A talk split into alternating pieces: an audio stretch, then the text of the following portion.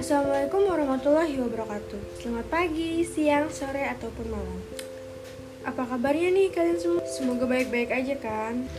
Gue pikir pertemuan podcast kita bakal berakhir sampai di podcast kedua doang Ternyata ada lagi nih pertemuan podcast ketiga By the way, kita perkenalan lagi gak ya? Soalnya kan di podcast pertama sama kedua gue udah perkenalan Tapi biar lebih enjoy kita perkenalan aja ya Oke, perkenalin nama gue Rizky Nisal Karima dari Fakultas Kedokteran Gigi Universitas Lambung Mangkurat. Sebelum kita masuk ke materi podcast, by the way, gimana tuh malam minggunya kemarin? Si sendiri, sama doi, atau cuma temen, atau teman tapi mesra, atau jangan-jangan mencintai dalam sepi nih, atau ada yang lagi terjebak dalam ikatan friendzone.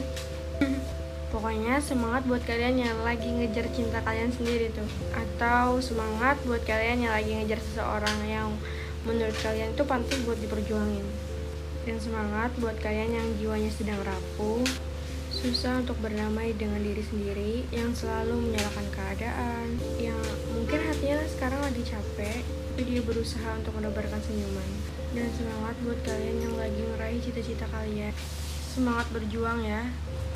Gue tahu kalian capek butuh istirahat pengen bisa balik kayak dulu lagi ketawa ke TV tapi keadaan tuh nggak memungkinkan kalian bisa kayak dulu lagi.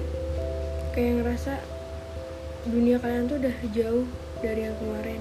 Intinya jangan sampai kita tuh berhenti atau menyerah cuma karena kita capek sama keadaan di sini gue cuma ngasih tahu buat kalian untuk coba bisa belajar menerima keadaan dan kenyataan. Untuk bisa berdamai dengan diri sendiri atau dengan lingkungan percaya deh always pas. Ya semua itu akan berlalu. Nggak selamanya kalian harus sedih karena menurut diri gue sendiri our life is not forever sad. Kayak hidup kita tuh nggak selamanya bersedih. Percaya deh pasti ada senangnya. Oke lanjut aja ke materi. Jadi di podcast ketiga ini gue pengen bawain materi tentang pengertian kepemimpinan. Sebelum masuk ke materi gue mau nanya dulu sama kalian. Hmm, jadi pemimpin itu harus didakutin banyak orang ya? Atau memberikan kesan bahwa dia adalah pahlawan super gitu? Is not very good. Itu pemikiran yang salah menurut gue.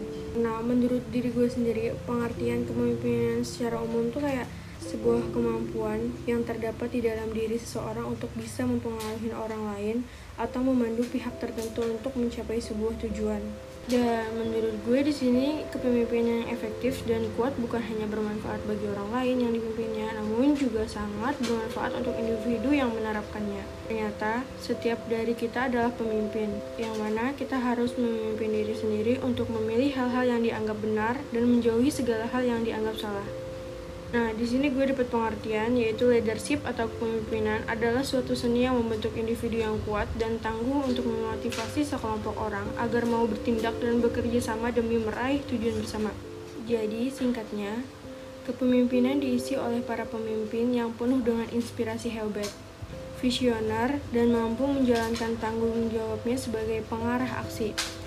Pemimpin adalah seorang yang memiliki kombinasi kepribadian ataupun karakter yang kuat. Jadi, jangan heran kalau ada pemimpin yang dapat membuat orang lain rela ataupun mau mengikuti semua arahannya. Mungkin sebagian besar rekan-rekan pembaca sering mendengar istilah kepemimpinan yang dikaitkan dengan istilah manajemen.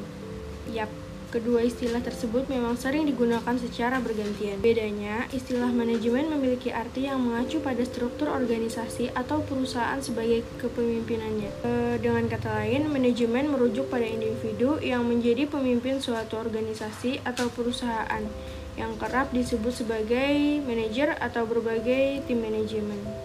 Selanjutnya, kepemimpinan merupakan sebuah bidang riset dan juga suatu keterampilan praktis yang mencakup kemampuan seseorang atau sebuah organisasi untuk memimpin atau membimbing orang lain dalam sebuah tim atau sebuah organisasi. Menurut gue sih, sebelum kalian memimpin orang lain, kalian harus bisa memimpin diri sendiri. Contohnya, kalian harus bisa ngatur waktu kalian sendiri. Bisa menahan diri untuk tidak berbuat egois atau uh, keras kepala karena seorang pemimpin tuh bukan hanya menyuruh-menyuruh atau minta didengarkan, tetapi juga harus mendengarkan dan juga siap untuk disuruh. Uh, kira-kira udah cukup ya podcast kita yang ketiga ini. Sampai ketemu di podcast selanjutnya. Gue Rizkyani selalu Karimah mohon pamit undur diri. Semangat buat hari-harinya. And good bless you. See you next time. Wassalamualaikum warahmatullahi wabarakatuh. Terima kasih. you.